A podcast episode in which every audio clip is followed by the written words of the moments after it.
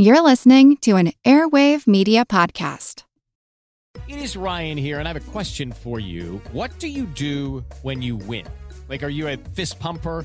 A woohooer, a hand clapper, a high fiver. I kind of like the high five, but if you want to hone in on those winning moves, check out Chumba Casino. At ChumbaCasino.com, choose from hundreds of social casino style games for your chance to redeem serious cash prizes. There are new game releases weekly, plus free daily bonuses. So don't wait. Start having the most fun ever at ChumbaCasino.com. No purchase necessary. VGW Group. Void were prohibited by law. See terms and conditions. 18 plus. As a longtime foreign correspondent, I've worked in lots of places, but nowhere as important to the world as China. I'm Jane Perlez, former Beijing bureau chief for the New York Times. Join me on my new podcast, Face Off US versus China, where I'll take you behind the scenes in the tumultuous US China relationship. Find Face Off wherever you get your podcasts. This is Kick Ass News. I'm Ben Mathis.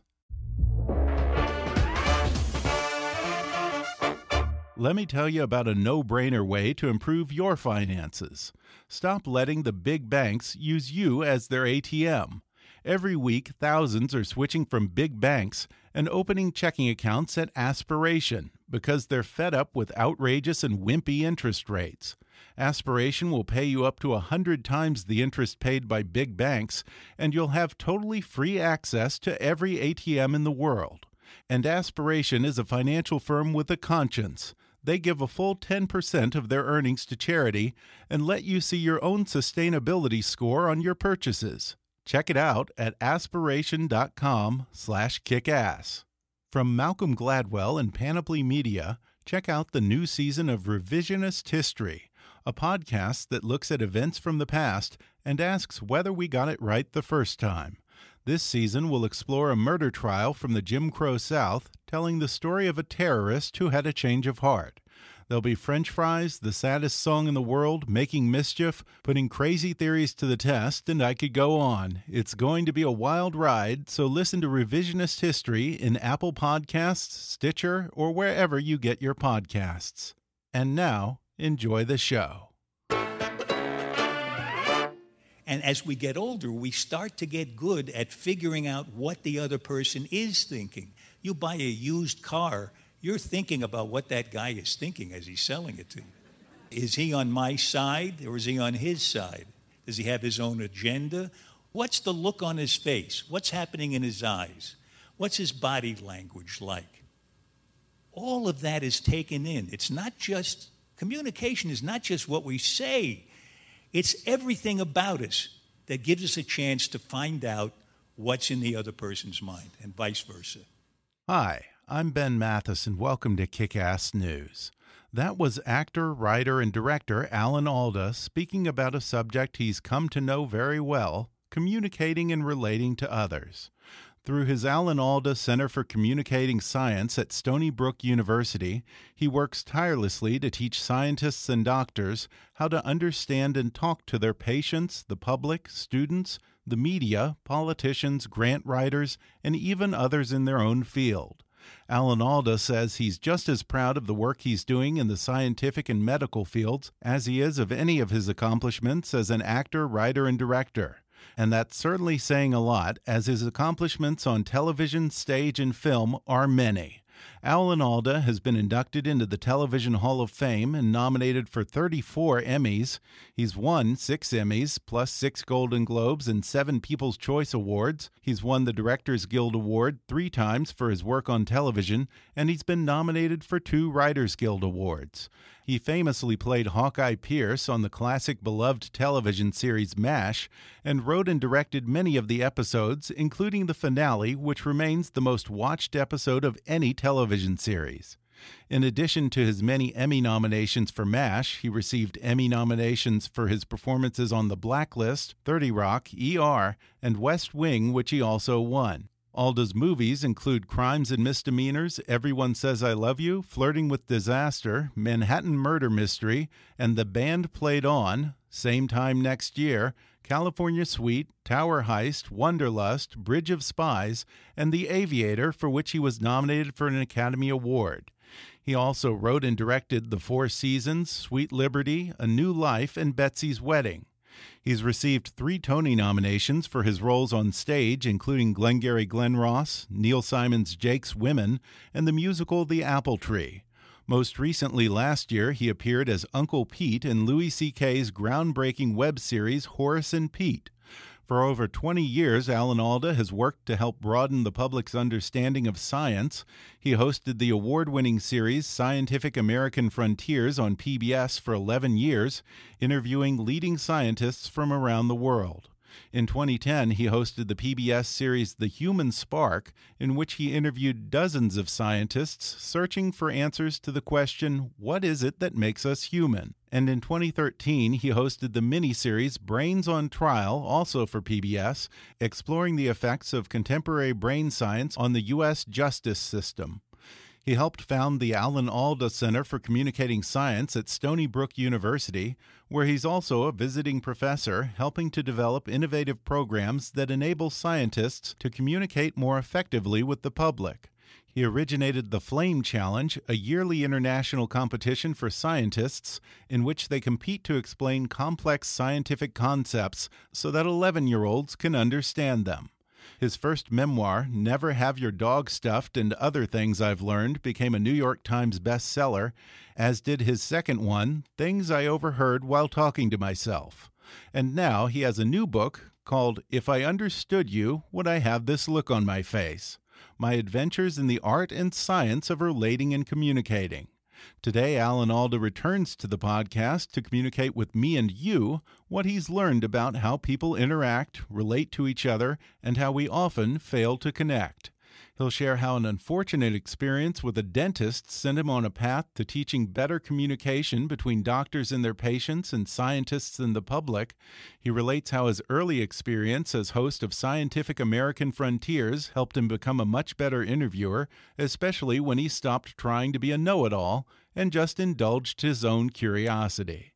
He talks about what he calls the two keys to better communication empathy and theory of mind, and how he became his own lab rat experimenting on how to develop greater empathy and relate better to people. Plus, how meditation can make you a better communicator, why women in the workplace improve the whole organization, how to heal the political divide one person at a time, and whether his wife of 60 years agrees that he's really the great communicator. Coming up with the witty and delightful Alan Alda in just a moment.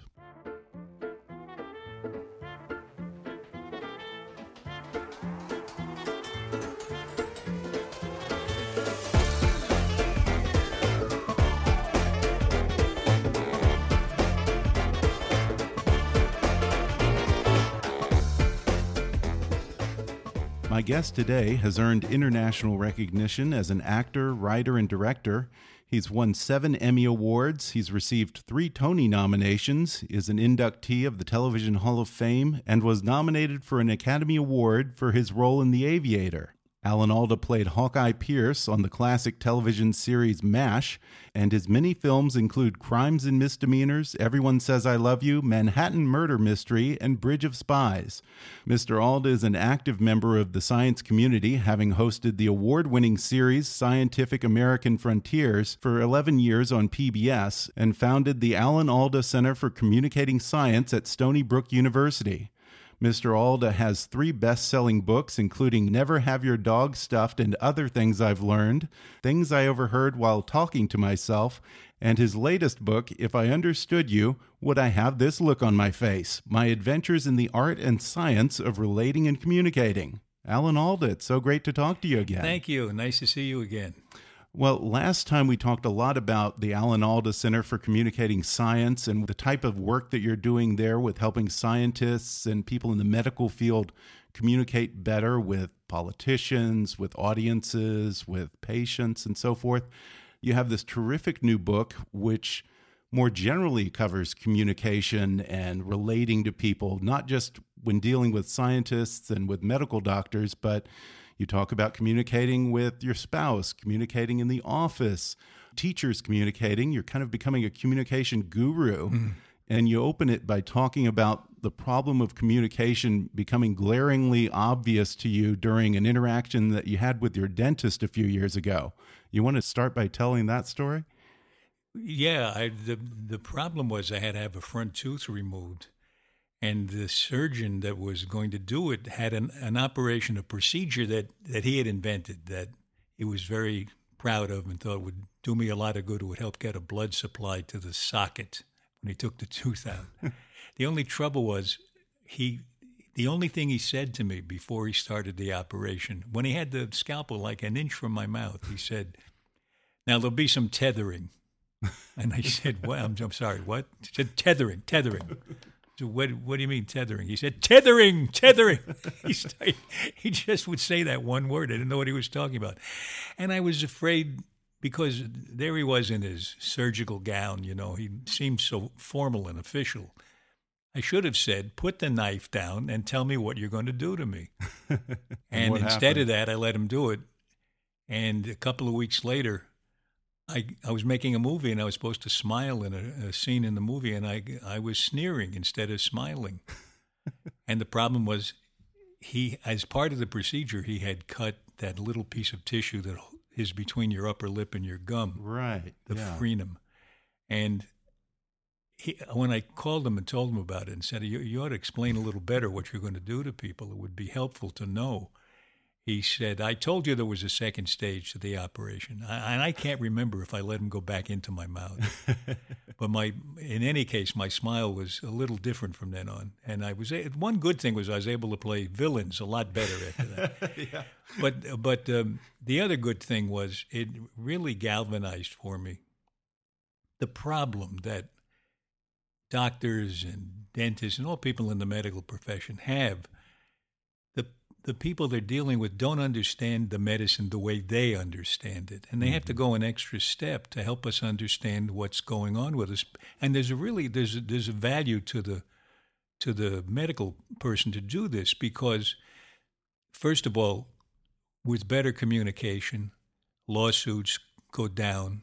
If if if a mistake is made and the doctor apologizes, at least in one case in Michigan, in one one uh, hospital there, the, the lawsuits went were cut almost in half by just Wow. saying "I'm sorry, I'm You're sorry." kidding me. Oh yeah. That totally goes against conventional wisdom, doesn't well, it goes against the, the lawyer's advice. They say deny the whole thing. You know, Yeah. don't say anything.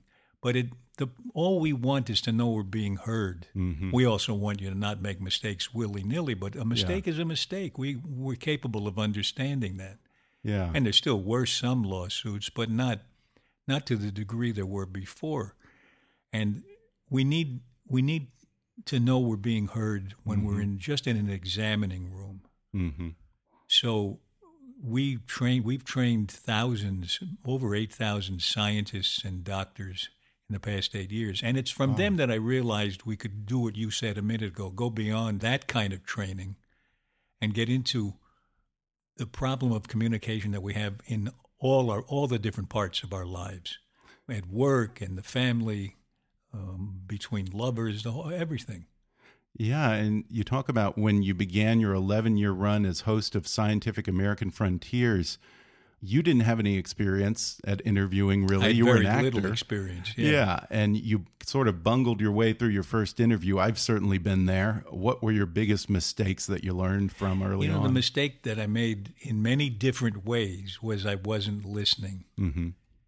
The person who's talking has to listen a lot, you know, in a way more than the person listening. But here I was in, in the job of listening and responding. I wanted to get out from them what their science was, but I, I wasn't paying attention to what they had to say. I wasn't I wasn't basing my questions on what came out of them. I had a list Right. of questions. And I learned Yeah, I'm as time went on not to do that because it wasn't personal. It didn't it didn't have an Mm-hmm. exchange that was alive. Yeah, and I'm certainly guilty of that. I mean, it is difficult. I'm sure that it took some getting used to because you know you're always thinking about the next question on your list. I'm sitting here looking at my computer sometimes. You know, I'll tell you, you know what's funny hard. about this? The the book seems to have been kind of convincing to people. Really? I've been interviewed now a lot about the book, and four of the interviewers said, I'm going to try what you did on on your science show. And one guy said, I'm closing my computer right now. Oh, wow. and then we just had a conversation. Okay. And the funny thing was, now I don't want to put you under any pressure. I'm, I'm tempted, but I'm also scared. the funny thing was, I gave a better interview because Really? I, that makes sense. You know, the funny thing about having a list of questions is not only are you thinking of the next question, Mm-hmm. I'm thinking, what's the next question going to be? oh, really? And then when you say that question, I'm thinking, all right, what's what's my answer to that? so it's a little canned on both sides. yeah. But if you're responding directly to what I just said, then it comes as a surprise to me, and there's something more lively happening between us. Well, it's also a good excuse for them not to have to read your book before the interview. did they? Did you ask them if they actually read the book? So, uh, surprised at how many people have actually read the book. It, Oh, good. It, it sounds to me like maybe that maybe the book reads well because usually you just have time to read the first couple of pages. And I then- read it cover to cover. Oh, that's wonderful. It makes me feel it. good. So I was learning. I'm thinking about what you asked me a second ago about how we went from teaching scientists to how we're now talking to a wide range of people in the book. Mm-hmm. I'm talk. I'm I'm trying to show how what we've learned with scientists is helpful to everybody else. And the way I started to understand that was we were hearing from the scientists themselves that it applies to more people. One one uh, scientist said to me, "You got to you got to teach other disciplines this. My wife is an art historian. I can't understand a word she says." and another and this this was amazing. Another scientist said, "This workshop has saved my marriage." wow. So I thought, Really? this is we we just have to put it in in terms. I keep Mm-hmm. saying we. The book is me. the work we do with scientists is us. Yeah. But I took what we've learned over eight years of training scientists and doctors, and I I thought of specific ways it applies to the workplace and salesmanship and all kinds of things like that. And it really um, it it has it's interesting. It's changed me in the course of writing it. hmm I listen to people better.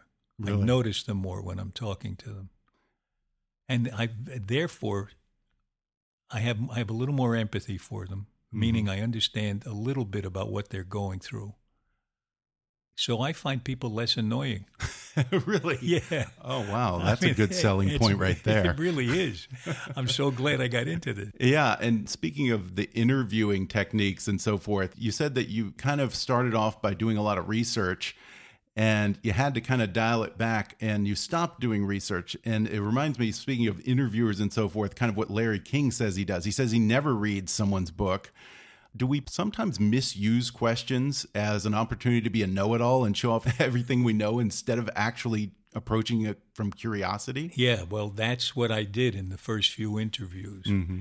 I, I, I was proud of what little I thought I knew, and I tried to ask questions, unfortunately, that I thought revealed what I knew, when in fact I didn't know as much as I thought I knew.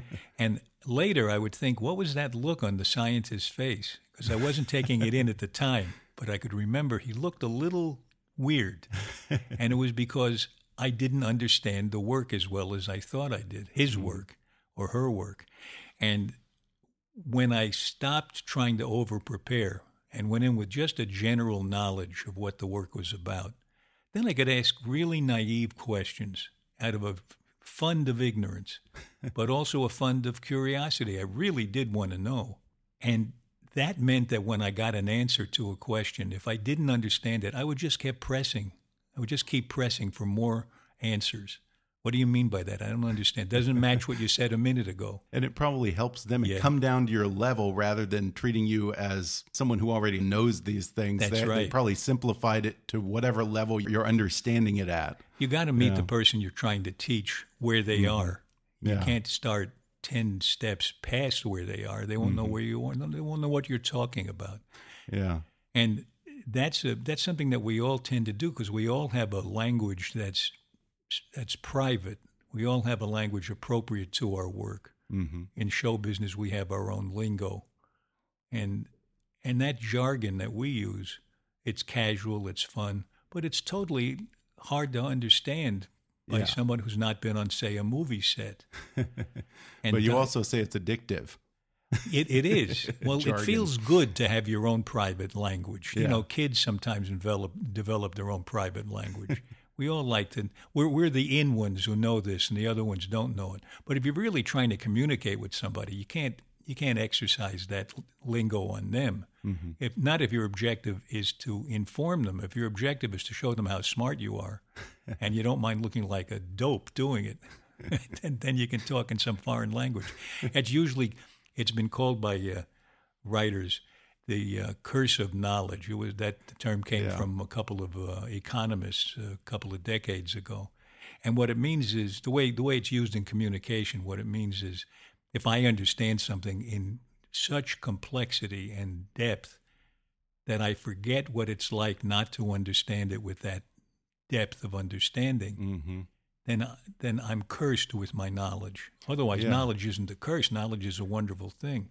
But yeah, you isolate yourself.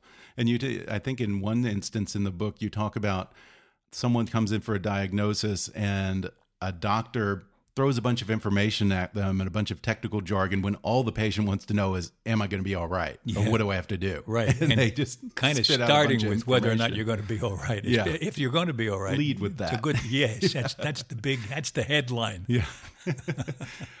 Do we often approach communication with the wrong mindset in that we seem to think that if we're not getting a point across, the problem is that person is not understanding it or trying it hard enough to understand I it think I- instead of that's- it's you our know, fault. We, mo most of us have probably had teachers in grammar school who said, "Come on, pay attention, concentrate." well, the thing is, and what we try to teach in workshops is if you have something you want somebody else to understand, it's your job to make sure they follow you. Mhm. Because, especially if you're talking to a- fairly, you know, well rounded adult, a person with an education, but they've spent their lives doing something other than what you've been doing. You've been doing this com- complex work in some special field, and they're not going to know what you know. So it's your job to bring them up to speed. Now, the funny thing is, this isn't just scientists talking to the public. It's scientists talking to other scientists who aren't exactly in the same field. And there have been some terrible uh, instances of miscommunication among highly trained scientists because they've been trained and experienced in different uh, categories, different specialties. Right. But it's also true if you're if you're selling me something, you have your own lingo back at the office. Your engineers have their own lingo. Yeah. You got to help me know what it is you want me to buy. And you have to find out what I need. If I don't need what you make the biggest profit on, but I do need something that you also sell, you should go right to that. Because if your objective is to help me out, I'm going to be a customer for life. hmm And it all has to do with this basic idea of communication. The other person is where your attention has to be, not on what you think or know or what your goal is, what you want to get out of them. It's not going to work. Okay. So stop trying to convince people that they need the product that you made. Make a product for their needs. That would help. And then Yeah. once they buy the darn thing, put some instructions in there that are that are legible. yeah. You and know- easy packaging. Yeah, That's another easy packaging. point for I, you. I, I find that companies are communicating with me every time I buy something. I get Mm-hmm. it home, and the communication that they're making is, "Bet you can't get into this package." I had that just this morning, and I thought of you because I, I bought a new memory card for my computer, and damned if it didn't take me five or ten minutes to get that thing open with scissors with my hands. Yeah. I ended up using a box cutter. and you're in danger of slicing your fingers Exactly. on the on the plastic itself that's holding the product together. Yeah.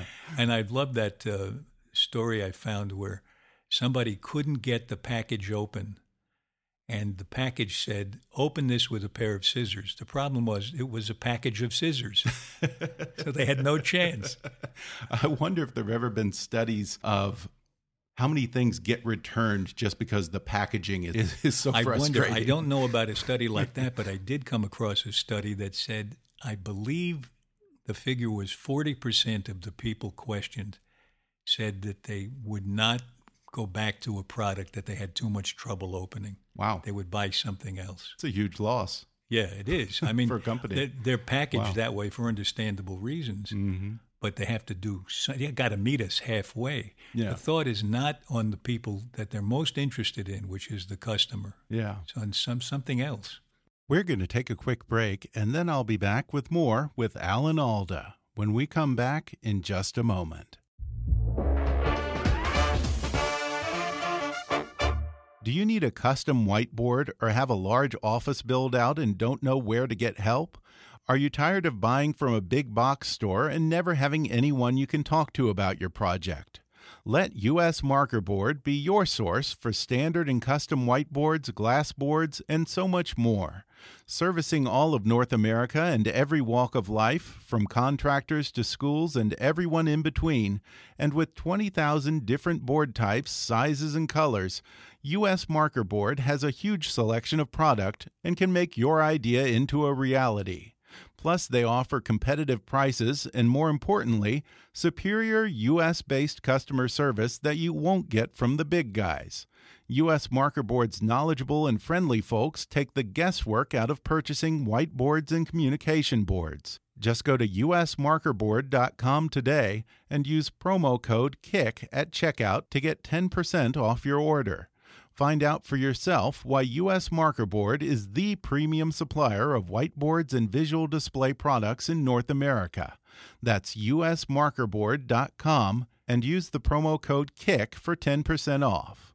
In today's digital economy, customer experience is the new competitive edge, and Couchbase Engagement Database is the only database specifically designed to deliver brilliant experiences that keep modern customers coming back for more. Old school transactional and analytical databases can't deliver the exceptional experiences customers expect today, much less the ones they'll demand tomorrow. But the Couchbase data platform is built on the most powerful NoSQL technology to give your web, mobile, and Internet of Things apps unparalleled agility, manageability, and performance at any scale. You can learn more at couchbase.com/kickassnews. Only the Couchbase engagement database is designed to deliver ever richer and more personalized customer experiences as your business innovates and grows. It supports millions of interactions while easily adapting to changing business requirements. It's always on and always fast with constant high performance and built in fault tolerance. It keeps your data secure everywhere. It has built in smarts for highly personalized engagement. It's right at home on premises, in the cloud, or as a hybrid, and it gives users a seamless, amazing, and always on mobile experience. Ready to revolutionize your customer experience?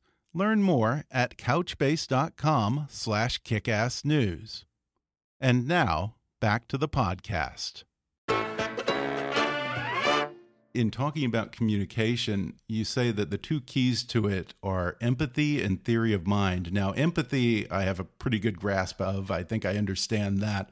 Theory of mind, explain what that is. Yeah, I, I try to make this clear. Um, it's it was hard for me to get at first. It, it's based. the notion is based on this interesting thing that I didn't know about till I did a science program on PBS on this subject, and it was that until people are around four or five years old, they don't realize that what they're thinking could be different from what you're thinking.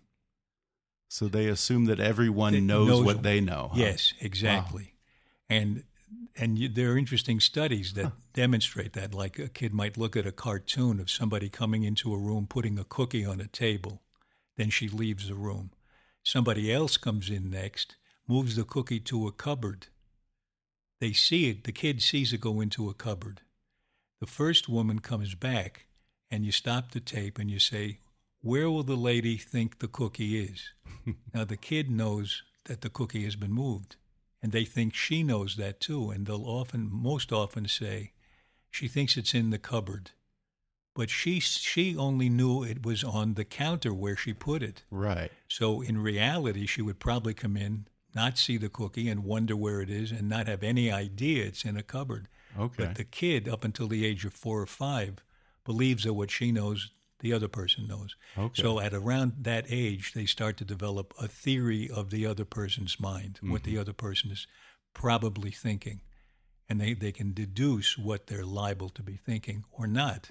To be totally confused about it, but they have the sense of separation between my mind and yours. Okay. And that's around the time they start learning they can lie. not not before. Because Yeah. what's the point of lying if you if, if they know what If you're they know better. Yeah. Yeah. right. Interesting. So the funny thing is when we do this curse of knowledge thing and we assume the other person knows what we know, it's just like the four year old who thinks you know what I know because I know right. it. Yeah. It's such a strange retreat we make to this childish stance. Yeah, that makes sense because I think about it, you know, uh, little kids always getting so frustrated and throwing a tantrum because they're trying to communicate something you don't understand. Yeah. they're acting like you're ridiculous or a fool because you don't knowing get it. knowing the other Yeah. person is thinking something else is a good first step Mm-hmm. to thinking to finding out how you can just work something out with them. And empathy, there are a lot of definitions of empathy that people use, and they often True. don't describe what they mean by empathy. Some people use empathy to mean that you have a good heart and you're compassionate and sympathetic with another Mm-hmm. Person. How do you define it? I don't use it that way. I use it just as a tool for communication where you ha- can make an estimate of what the other person is feeling, maybe, maybe even an estimate of why they're feeling that, how they got to that point. And you can use that to meet them where they are. You know, we were mm. talking about meeting them in terms Yeah. of what they know. You also have to meet them in terms of, if you possibly can, in terms of what what state they're in emotionally. If somebody's if somebody's mother just died and they're depressed and you can pick up those cues, you may not know the mother died, but you can see cues on the face of the mm-hmm. person. It's probably not a good idea to start selling them on a on a ticket to a party. Yeah. And I was interested that you, being the scientist that you are now, you used yourself as your own guinea pig on how to develop empathy.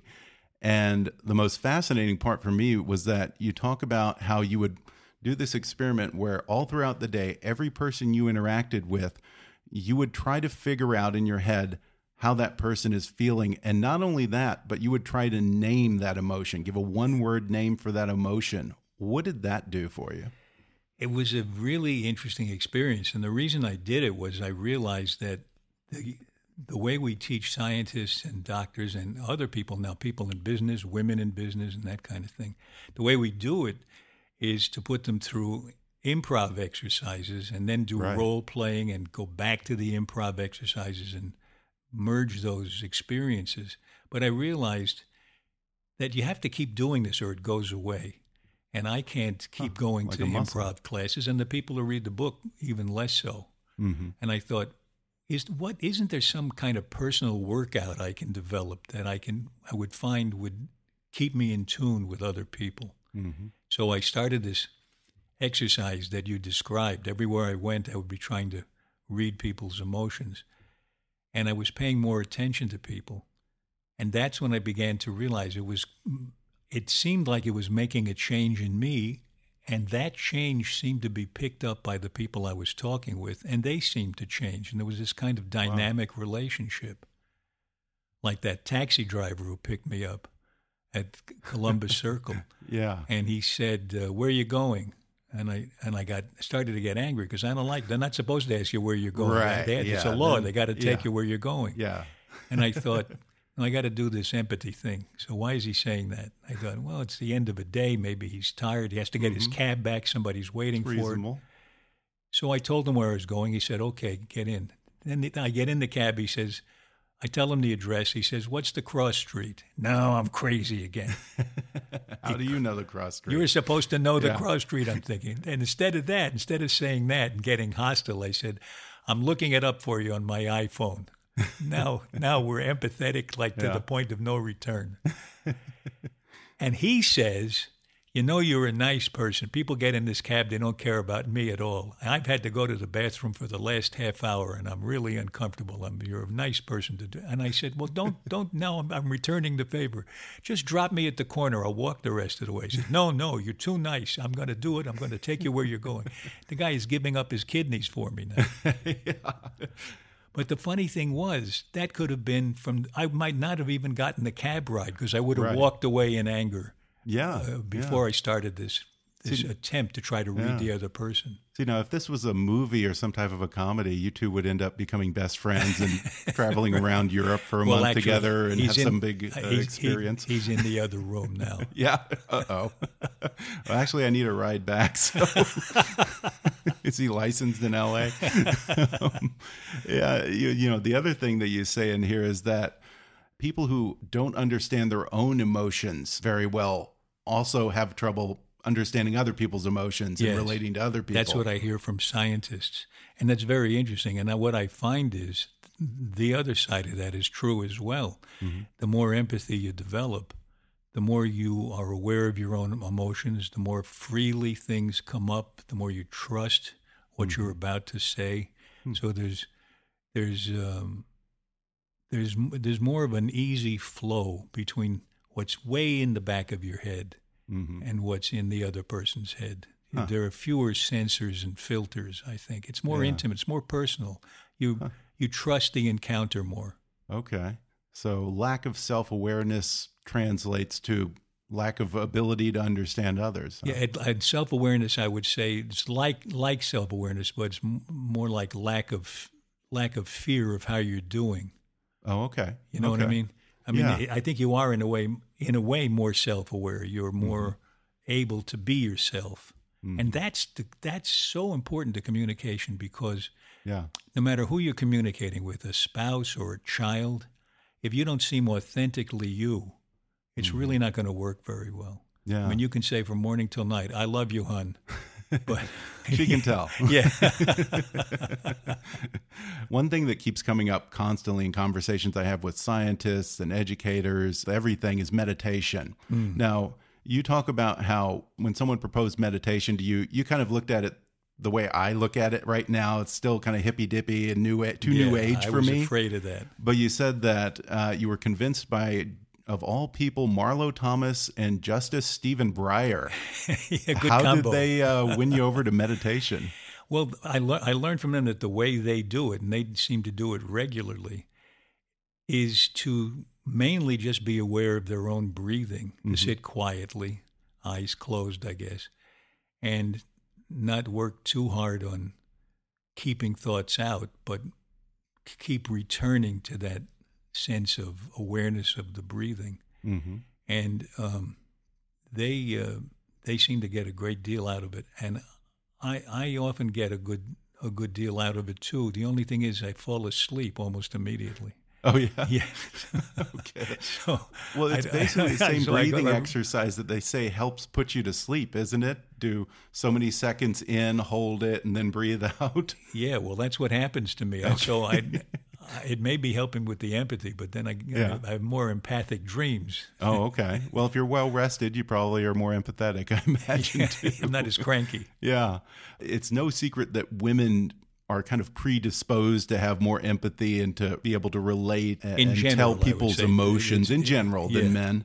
You say that having more women in the workplace actually improves the whole team, the whole organization. Yeah, How does any- that work? Well, that studies. I was surprised and happy to see that studies uh, suggest that the more women on a team, Mhm. plus the more able the team is to express their opinions, the more uh, emotionally they are aware, socially aware of one another. Those three things um, are indicators of better teamwork, regardless of the task you give the team.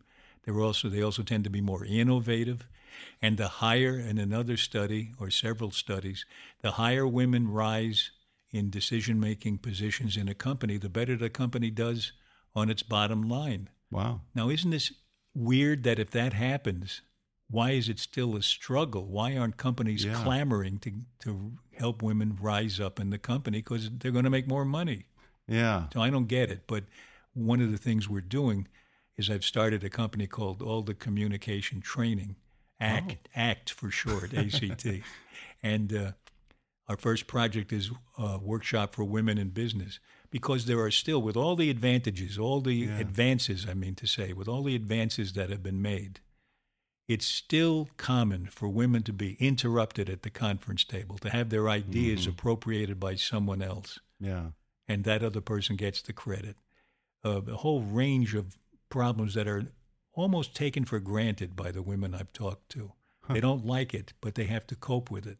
So what we try to do is give them tools to navigate around those barriers mm-hmm. as long as the barriers continue to exist. Of course, the culture, ideally, the culture should change and those barriers should come down. Mm-hmm. But until that happens, the women have to negotiate the barriers, they have to negotiate mm-hmm. the waters, navigate the waters. So uh, it's, it's very heartening to see the confidence that builds, the, t- the tools they develop for say for stopping people, interrupting them, for not being given assignments that matter, that lead to bigger and better assignments. So, would you say then that women are the grease? Yes, we're the grease on more- the wheels of communication. Right, we need greasier women. Yeah, greasier women. Okay. I, I wouldn't have put it that way until you brought it up. I hope your wife doesn't listen. Um, speaking of that, I have to ask: what, how how good of a communicator does your wife say that you are? Oh, she laughs about the whole Does she? thing. Yeah.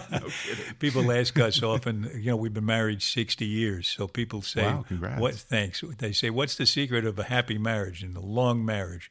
Arlene says, the secret of a long marriage is a short memory. That's actually really good advice. Don't hang on to stuff. huh? Yeah, don't have a grudge. I'm actually, she, she's always laughing at me. I'm very good at carrying a grudge, not against her, but against most most slights. You Yeah. know, I'm trying to get over that. I think with this work on empathy, I eventually will. yeah, you'll get there. Just name more emotions. Look at people's faces. I'll never forget you said that. Yeah, exactly. That's a little scary.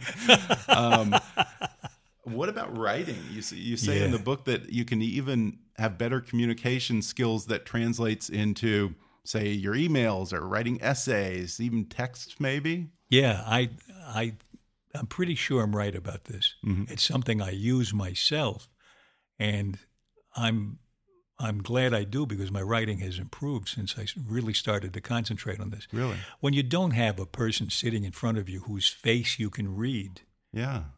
But instead you're gotta hard. writing for them, you don't know when and where they're going to read this. Mm-hmm. Of course, you're not picking up c- clues from body language or the sound of the person's voice. But what you can do, what I try to do, is imagine as you write how it's landing on them. Think, you know, most of us, when we concoct a message, whether it's an email or an essay or a report, we're thinking of the exact right way to say it. hmm We're not necessarily thinking of the experience of the person reading it. Okay. And that's a different thing. It's a, because if we want to say it in the exact right way, we're liable to inject three or four phrases in the beginning of the sentence before we get to what the sentence is about. oh, interesting. We jam pack the sentence with all the things so we can have a, a really rich, interesting, information filled sentence, which when it's read, sometimes the reader has to go back two or three times Yeah. to figure out what the sentence is about. I've, I've experienced many sentences like that, and I really Yeah. don't like it. I want to be able to be led easily from one thought to another. So you want to open with the most pertinent information in the sentence? You want to say, what's the sentence about? Mm-hmm. That's the first thing. That's Yeah. what we want to find out about. There's a, a wonderful person who's analyzed this. His name is George Gopen, G O P E N. And uh, I r- try to follow his advice. You can look him up on the internet. You can read his books. He's, he, he has identified what he feels are things that people are expecting, the expectations the reader has hmm about the structure of a sentence, about the structure of a paragraph. Okay. And it's really helpful because you know what? One thing it does that you don't expect, it clarifies your own thinking. Oh, really? Yeah, because you say, "Is this what I You really mean to it? say?" I'm not Yeah. really saying what I'm what I think I mean, Hmm. and do I really mean that? Yeah. Maybe I mean this. Maybe there are two contrasting ideas here, and I Yeah. jammed them together. Yeah. That's interesting that you bring that up because you talk about storytelling and you say if you're proposing an idea, maybe propose the counter to that, propose an alternative idea just to throw that out there to lure the reader or the audience in uh, or an antagonist Yes, for your idea to exactly. Yeah, overcome. that- that's Uh, right. I, yeah, that because what interests me in, in, in stories is the dramatic action that you have in plays, where the hero is headed towards some great goal, but there's an obstacle in the way, and the hero has to fight through the obstacle to get to the goal. that that sounds sort of simple-minded that we see stories like that all the time. But when we tell stories to try to sell a product or sell an idea, we tend to forget that and we just say, uh-huh. "Here's what we want. Here's how we get to Yeah. it." Whereas it's much more interesting to have this opposition. That's why I think Yeah, even in an create an essay, you, you you can help create that arc in an essay by introducing an opposing idea. If you mm-hmm. say, "We got to have democracy," everybody is free. On the other hand, as people have said for centuries now, democracy can be mob rule. What about that? Right. So now it gives you something. Okay. You have a struggle of ideas that you're, you're not just saying, here's what I think, take it or leave it. Yeah. You're allowing another idea to oppose your own idea, and it uh-huh. becomes an interesting struggle to watch. It's like you now you're watching a wrestling match. You're not just watching somebody Yeah. gobbling up his cake. I don't know what that has to do with anything. So give people something to root for. Huh? Yeah, yeah, Yeah. I think, yeah.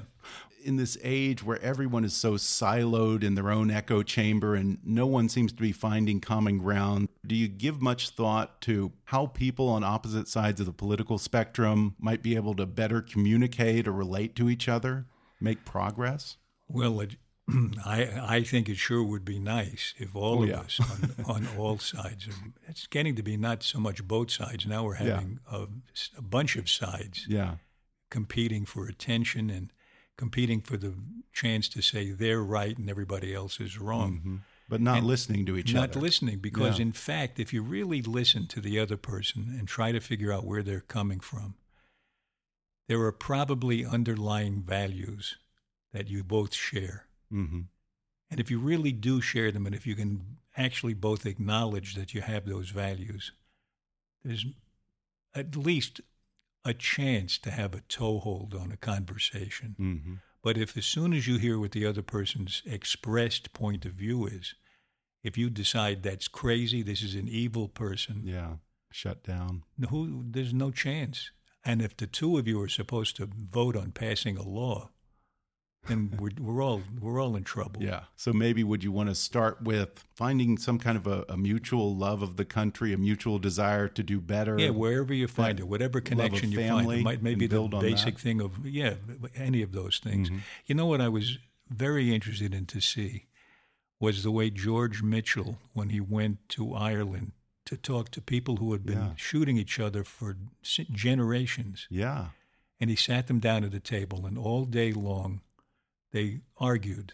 At night, though, at dinner, they were not allowed to talk business. They could only talk about their childhood experiences, things they shared in common. And the next day, each day, the conversations where they were at odds became less contentious because they saw each other as people for the Wow. first time. Yeah. And the same Makes thing sense. happened in, apparently in the Oslo Accords, where the Palestinians and the uh, Israelis were brought together Mm-hmm. during the day, um, demonizing one another at night, finding out that they shared a common humanity. Yeah, and I I think you talk about in the book how you did the same thing with MASH. Yes. The cast would always We weren't so much at, out. Huh? we weren't so much at odds as the Palestinians Right, right, of course, yeah. But we were different people, and Mm-hmm. each of us had quirks, Mhm. you know, and we we knew we had to appear to be, and in, we had to appear to be friends on the show, Mhm. colleagues, Yeah. and the best way to do that was to become that in real life. And so we sat in a circle almost all day, every day, when we weren't acting on the, you know, in front of the camera, and we just made one another laugh, hmm made fun of each other, told stories. Once in a while, we'd go over our lines, but mostly we were just kidding around and having fun. Yeah. And that that connection carried over on camera. Yeah, because then it looks more like you're all kind of in this same struggle together. Right. It's not a question of I Yeah. say my line and then you say your Right. line. Right. Regardless of how you say it, I say my line the way I'm going to say it. You know, that's that's dead.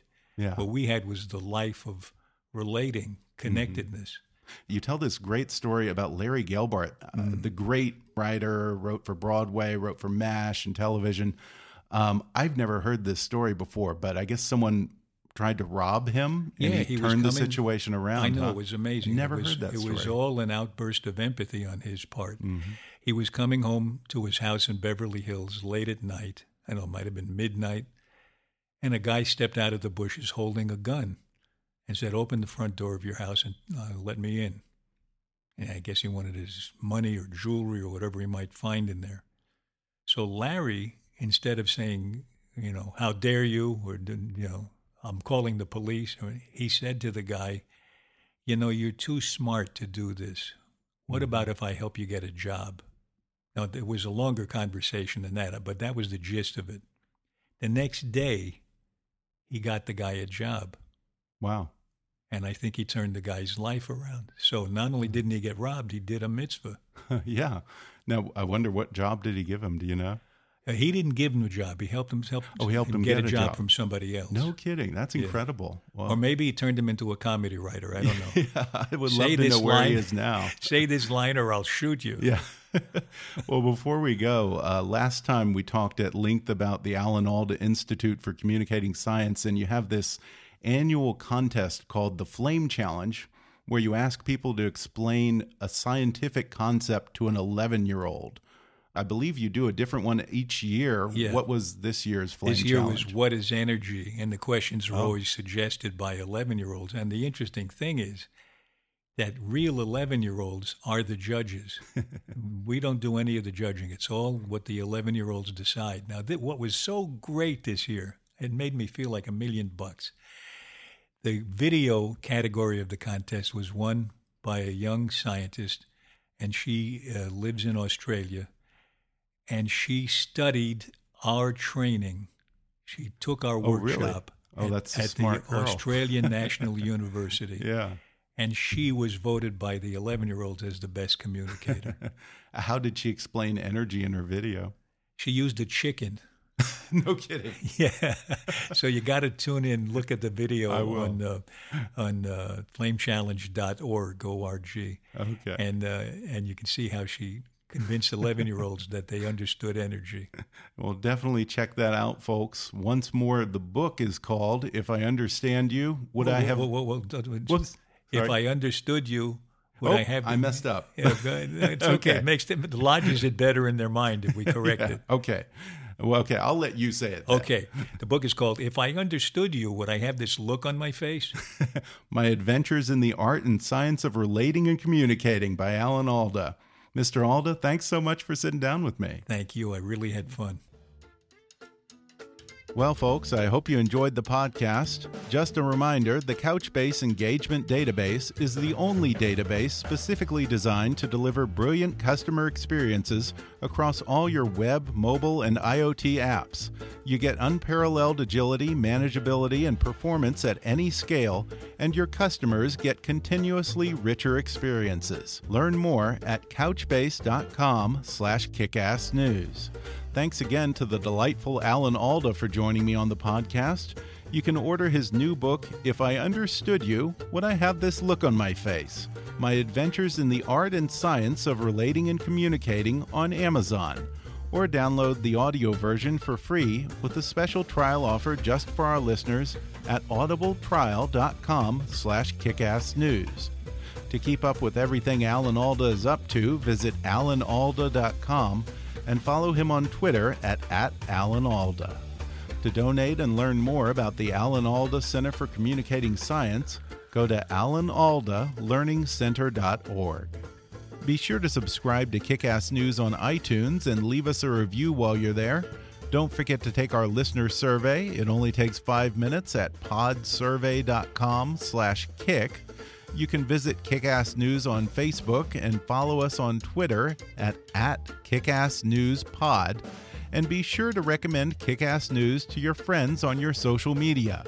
And if you really want to help out, then donate to our GoFundMe campaign at gofundme.com slash kickassnews or click on the donate button at kickassnews.com.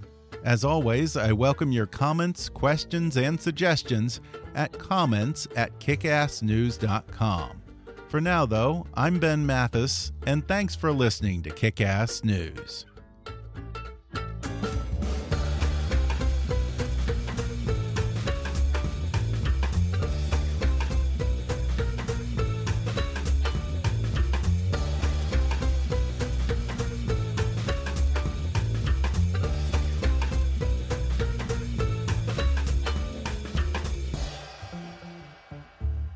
Kick Ass News is a trademark of Mathis Entertainment, Inc.